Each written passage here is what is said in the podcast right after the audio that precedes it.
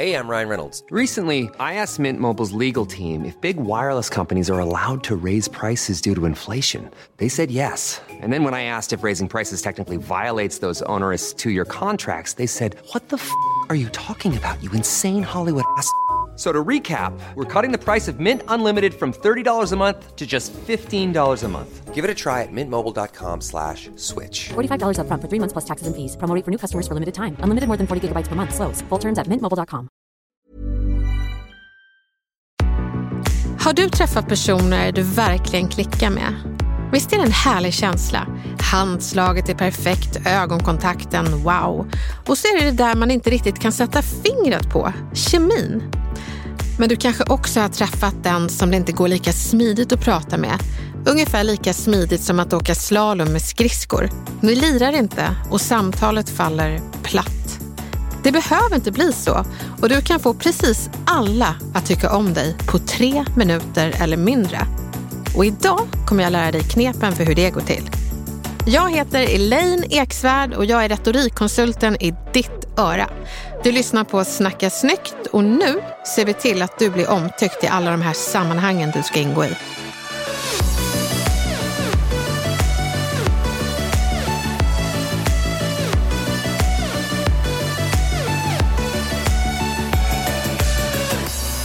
Jag har en mamma som faktiskt är grunden till det som är min gnutta av social kompetens. Ni ska veta att jag är eh, en väldigt extrovert person. Mamma undrade, herregud, vad ska det bli av den här personen? Hon bara pratar, hon börjar aldrig gå. Och min lillebror Rickard, han gick långt innan han kunde prata. Han var sju år gammal när han pratade. Och det första han sa, det var kantarell inte riktigt det man vill höra som förälder. Man vill ju höra mamma eller pappa.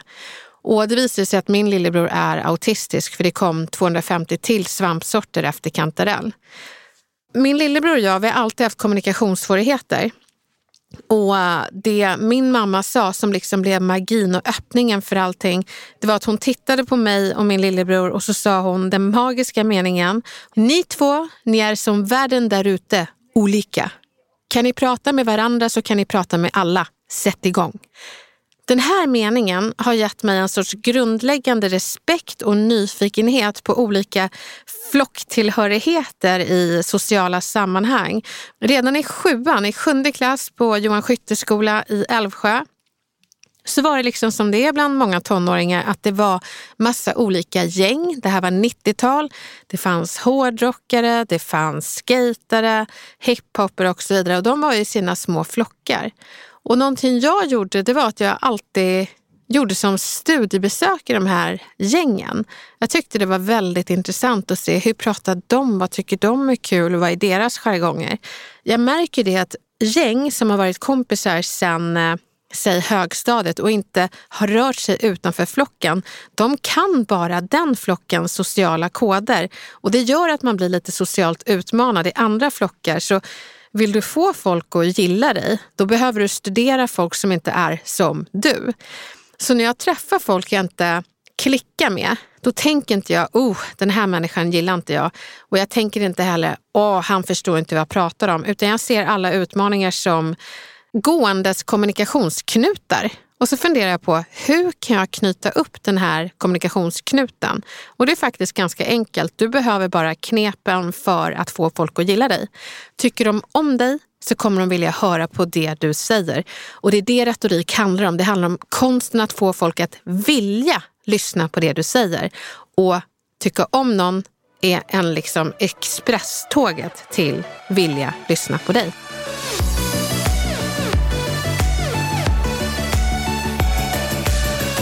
Och det här med att du inte kommer tycka om alla, det är viktigt att känna till. För nu så ska ni följa med mig till Almedalsveckan. Eftersom jag är så intresserad av folk som står så långt bort ifrån mig jag bara kan tänka mig, så hörde jag när jag gick runt i Almedalen att eh, det var ett gäng som skrek. Och eh, liksom så här, det lät väldigt, väldigt argt. Och då gick jag till torget och så såg jag ett gäng vänsteraktivister som hade omringat ett tiotal NMR-män som stod med sina flaggor. Och det är ju liksom nazistisk rörelse. Och de här männen såg rädda ut och vänsteraktivisterna såg arga ut.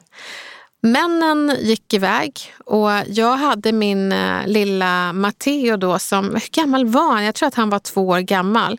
Och då ska ni veta det att jag är ju brasiliansk och svensk. Min pappa är svensk och min mamma är brasiliansk och hon är svart. Och jag är då mixad. Mina barn har 50% chans att bli bruna och 50% chans att bli vita. Mina samtliga tre barn har blivit vita. Många blir förvånade över att det är mina barn, men så där ser generna ut. Så det jag gjorde, det var att jag gick faktiskt fram till de här NMR-killarna när vänsteraktivisterna hade försvunnit. Jag kände mig inte hotad, för jag vet inte varför jag inte gör det. Jag tror att folk som står långt bort ifrån mig gör det av olika skäl som man inte vet om. Och I min famn så har jag Matteo som är så här, han har blonda lockar, vit hy, blå ögon. Och så går jag fram till den här NMR-aren och säger jag är inte här för att bråka men jag är här för att ställa en fråga. Och han blev faktiskt förvånad över att jag blev nyfiken på honom. Jag stod inte där med glåpord utan jag ställde en fråga nyfiket. Och så sa jag det, om det är så att sådana som jag med eh, annan etnisk bakgrund inte får vara kvar här, hur blir det då med min son som sitter här i min famn? Och när jag sa det så såg jag hur han liksom hajade till och fick inte ihop bilden av en mixad tjej och en i hans tycke arisk pojke. Och han sa, men är det där din son? Och jag sa, ja det är min son. Jaha, men är han svensk? Och då sa jag, jag vet inte vad du tycker. Men jag är svensk och brasiliansk, hans pappa är svensk och eh, han är född i Sverige. Och ja, du ser hur han ser ut. Och då började den här NMR-herren prata om hans genetiska uppsättning och att den ariska sidan verkar ha vunnit. Alltså det är så obehagligt att berätta det här. Men ni måste ju veta att jag pratar med en annan flocktillhörighet som var på en annan planet, från min planet om man säger så. Och sen så sa han att ja men troligen skulle han få stanna kvar. Jaha, sa jag. Men det är ju jag som har fött det här ariska barnet. Hur blir det med mig då? Och jag vet inte vad det var som hände med mig när jag sa det, men jag blev så ledsen när jag tänkte mig in i den här verkligheten att hans mörkhyade mamma får åka till ett annat land men han får stanna kvar för att han är blond och blåögd och vit. Så att det började liksom tåras upp och den här NMR-medlemmen mjuknade på något sätt och han sa det, nej men vi ska nog kunna se till att du får stanna kvar. Och det sa ju inte han för att han har argument för det i sin rörelse. Han sa det för att någonstans mot hans förmodan så fattade han ett tycke för den som stod mitt emot honom, nämligen jag. Så det jag menar med att precis alla kan tycka om dig, det är att alla kan tycka om dig trots att de inte har belägg för det intellektuellt. Men det är inte intellektet vi försöker nå när vi får folk att tycka om oss, utan vi försöker nå deras hjärta också kallat patos inom retoriken. Så nu ska jag ge dig knepen, kanske inte för att prata med NMR-are, men eh, få folk i din omgivning att tycka om dig. Så att om en NMR-are kan tycka om mig så kan alla tycka om dig.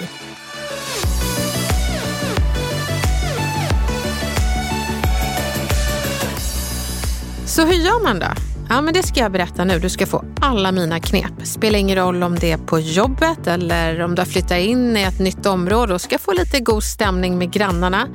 Eller om du är i en ny stad, känner inte en kotte och du vill få vänner. Då är det väldigt bra om folk tycker om dig liksom direkt. Eller den där festen, du vet, då du inte känner en endaste människa där inne. Hur får man folk att bli intresserade och känna att dig vill jag hänga med? De här knepen kommer hjälpa dig.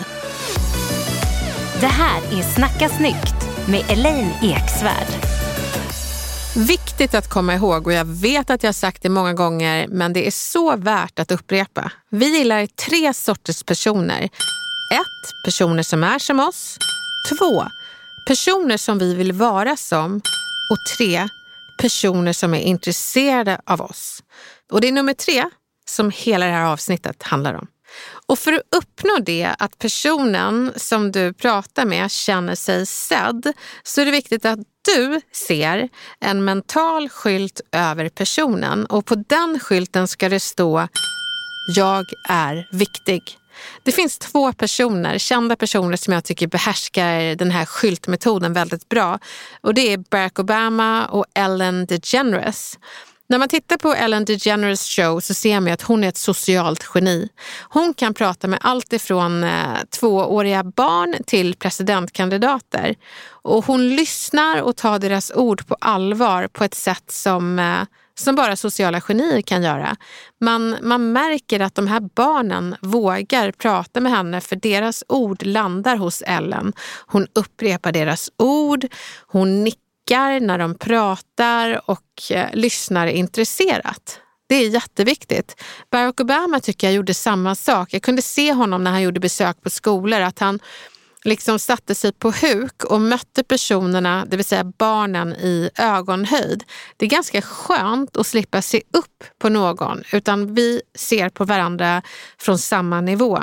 Han nickade också väldigt allvarsamt och kanske lite mer pastoralt när han pratade med barn. Och där kunde man se att det spelade ingen roll vilka han pratade med för alla kunde känna sig viktiga.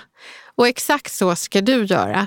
Jag, jag, är säker på att du har träffat den här kollegan som sitter i ett rum med dig och pratar och du känner dig viktig tillfälligt tills en chef kommer in när, precis när du pratar och då riktar kollegan fokus på chefen istället. I en sån handling så säger den här kollegan att du är mindre viktig än chefen.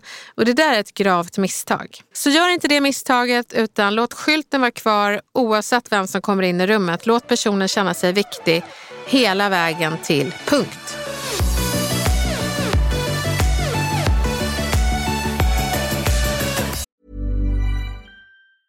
Hey, I'm Ryan Reynolds. Recently, I asked Mint Mobile's legal team if big wireless companies are allowed to raise prices due to inflation. They said yes. And then when I asked if raising prices technically violates those onerous two year contracts, they said, What the f are you talking about, you insane Hollywood ass? So to recap, we're cutting the price of Mint Unlimited from $30 a month to just $15 a month. Give it a try at mintmobile.com slash switch. $45 upfront for three months plus taxes and fees. Promo rate for new customers for limited time. Unlimited more than 40 gigabytes per month. Slows. Full terms at mintmobile.com. Om vi går tillbaka till Almedalen och när jag stod inför den här äh, uh, NMR-medlemmen. Vad var det som gjorde att han öppnade upp och liksom pratade med mig? Han skulle egentligen vänt på klacken för att enligt hans organisation så är jag en så kallad rasfrämling. Så vad gjorde jag för att ta ner den där muren? Jo, jag visade att jag hade goda intentioner, det vill säga i kontrast till de här vänsteraktivisterna som skällde ut dem och skrek glåpord till dem så sa jag, jag är inte här för att bråka, jag har bara en fråga. Då kunde ju han sänka garden, för han insåg att okej, okay, hon är inte farlig, hon menar ingenting illa. Så det är väldigt viktigt att när det är till exempel fientliga situationer som till exempel på jobbet eller om det kanske har varit en konflikt och man vill få någon att tycka om en och börja lyssna, då kan man faktiskt ta upp deras farhågor och sänka dem. Säga någonting i stil med, jag vill inte bråka, jag vill bara lösa det här. Jag vill bara säga det innan vi börjar det här mötet. Eller, jag vet att det har varit väldigt många fel och konflikter men vi gör alla misstag så jag vill bara att alla ska veta att jag vill inte fokusera på misstagen utan på lösningarna. Det du gör när du tar upp folks farhågor och kastar ut dem genom fönstret, då blir det så att axlarna sjunker och folk andas ut och då kan de äntligen göra det du vill att de ska göra, nämligen lyssna på dig. Det vill säga att de tycker först om dig och sen kan de lyssna på det du har att säga. För vi lyssnar bara om vi inte försvarar oss själva. Ge folk skäl och känna att jag behöver inte försvara mig.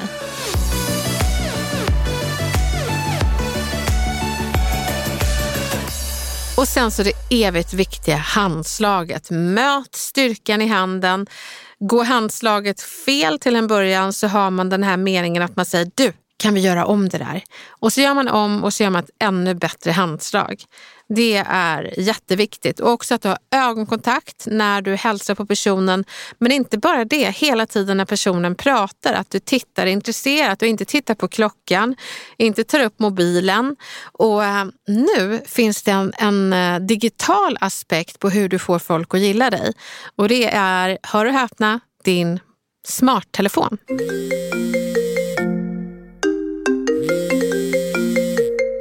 Tycker du inte om personen så mycket, då har du telefonen uppåtvänd på bordet när ni sitter i ett möte och då låter du dig distraheras av meddelanden och pop-up-grejer som kommer upp på telefonen. Vill du visa att du tycker om personen lite mer än så, då kan du vända skärmen mot bordet. Du kommer dock bli distraherad av telefonen i alla fall, men det är liksom, du visar en välvillig sida att du, jag vill vara här och nu med dig, men min telefon måste ändå få vara på bordet. Tycker du om personen riktigt mycket, då har du telefonen i väskan. Det är bara du och den personen som pratar, inga digitala distraktioner. Var en trea, var inte en telefonzombie. Det här, det här är viktigt. Du ska memorera namnet. Och säg det ibland till och med när ni pratar. Men inte för många gånger för då kommer du kännas som en creepy värvare till eh, något eh, parti. Utan det finns tillfällen då du kan memorera namnet och faktiskt säga det. Och det är när personen har sagt någonting bra. Och då kan du säga, Nej, vad kul att du säger det Camilla, för att det får mig att tänka på. Så, så du kan säga, vad kul att du säger det, namn, det får mig att tänka på. Och då får det du tänker på gärna vara någonting bra. När ska du då memorera namnet? Jo, det gör du ju vid handslaget. Så när personen säger sitt namn så ska du säga hej, namn och sen säger du ditt namn. För det är ett enkelt knep att memorera namnet, att man bara upprepar det i samband med att personen presenterar sig.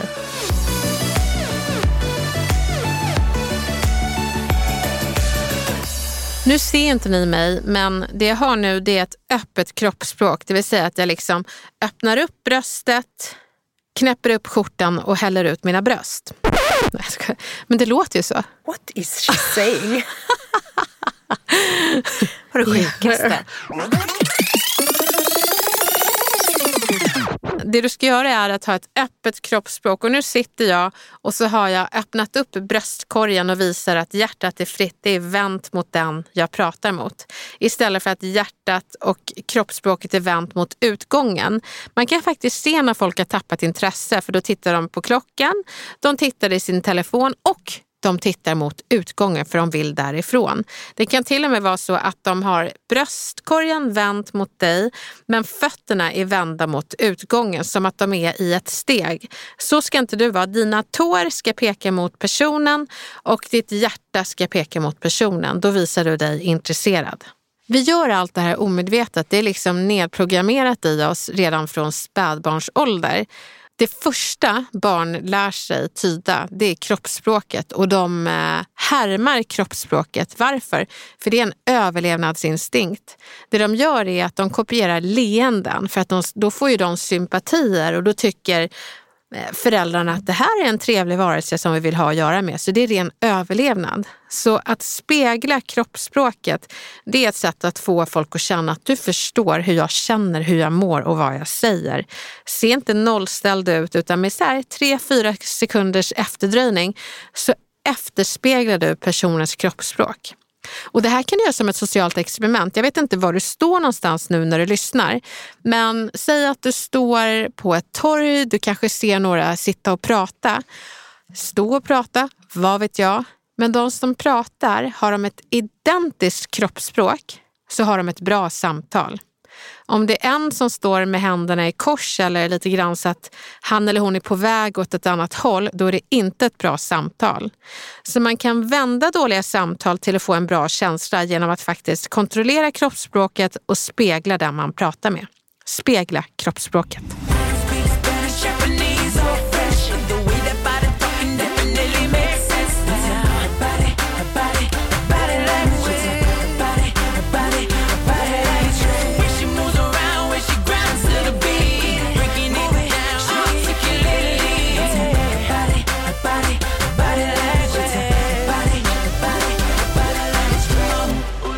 Här låter som väldigt mycket information, men det tar bara tre minuter.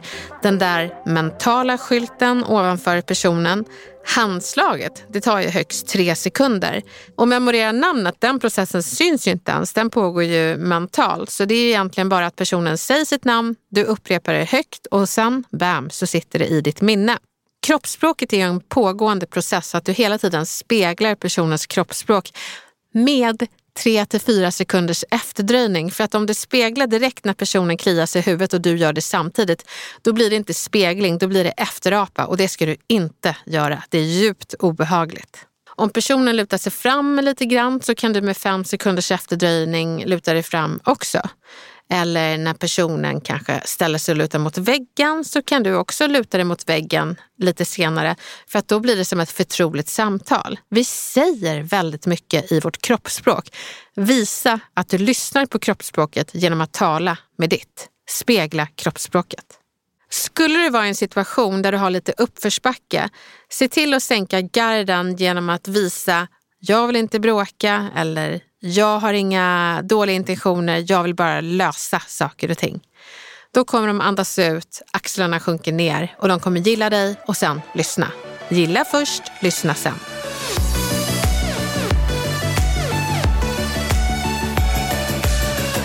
Glöm inte bort att använda leendet. Le av bara tusan. För att eh, Leendet är ett mäktigt verktyg. Det känns mindre hotfull och vi blir mer benägna att tycka om någon som ser glad ut. Men, ett riktigt stort men på det här, det är att du får ju inte le när en person berättar någonting som är tråkigt, utan då ska du spegla kroppsspråket.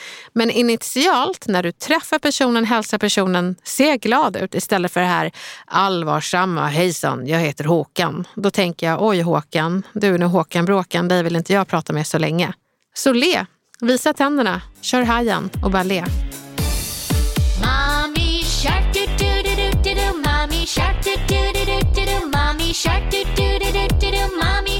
Sen vill jag bara ge dig några saker att undvika och det är kidnappa inte dialogen. När någon berättar jag var på landet så ska inte du säga det var jag med fyra gånger utan stanna hos personen i den här dialogen.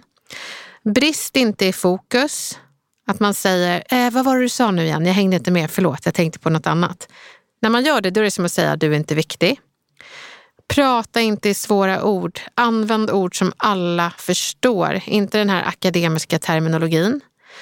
Var inte för självupptagen. Du vet att det finns ju de som skryter om sina meriter. Men försök att fiska andras meriter istället. Få dem att vilja skryta för dig. Och sen så var inte selektiv i din uppmärksamhet, det vill säga att du bara tittar på personen tills någon annan viktigare kommer in. För då kommer personen tycka att du är inte snäll, för du tycker inte jag är viktig. Så var du än må tillämpa mina knep så kan jag lova dig att du kommer få folk att gilla dig på mindre än tre minuter. First impressions last. Och med last menar jag att tre minuter kan bli ännu längre. Det kan bli till en livslång vänskap.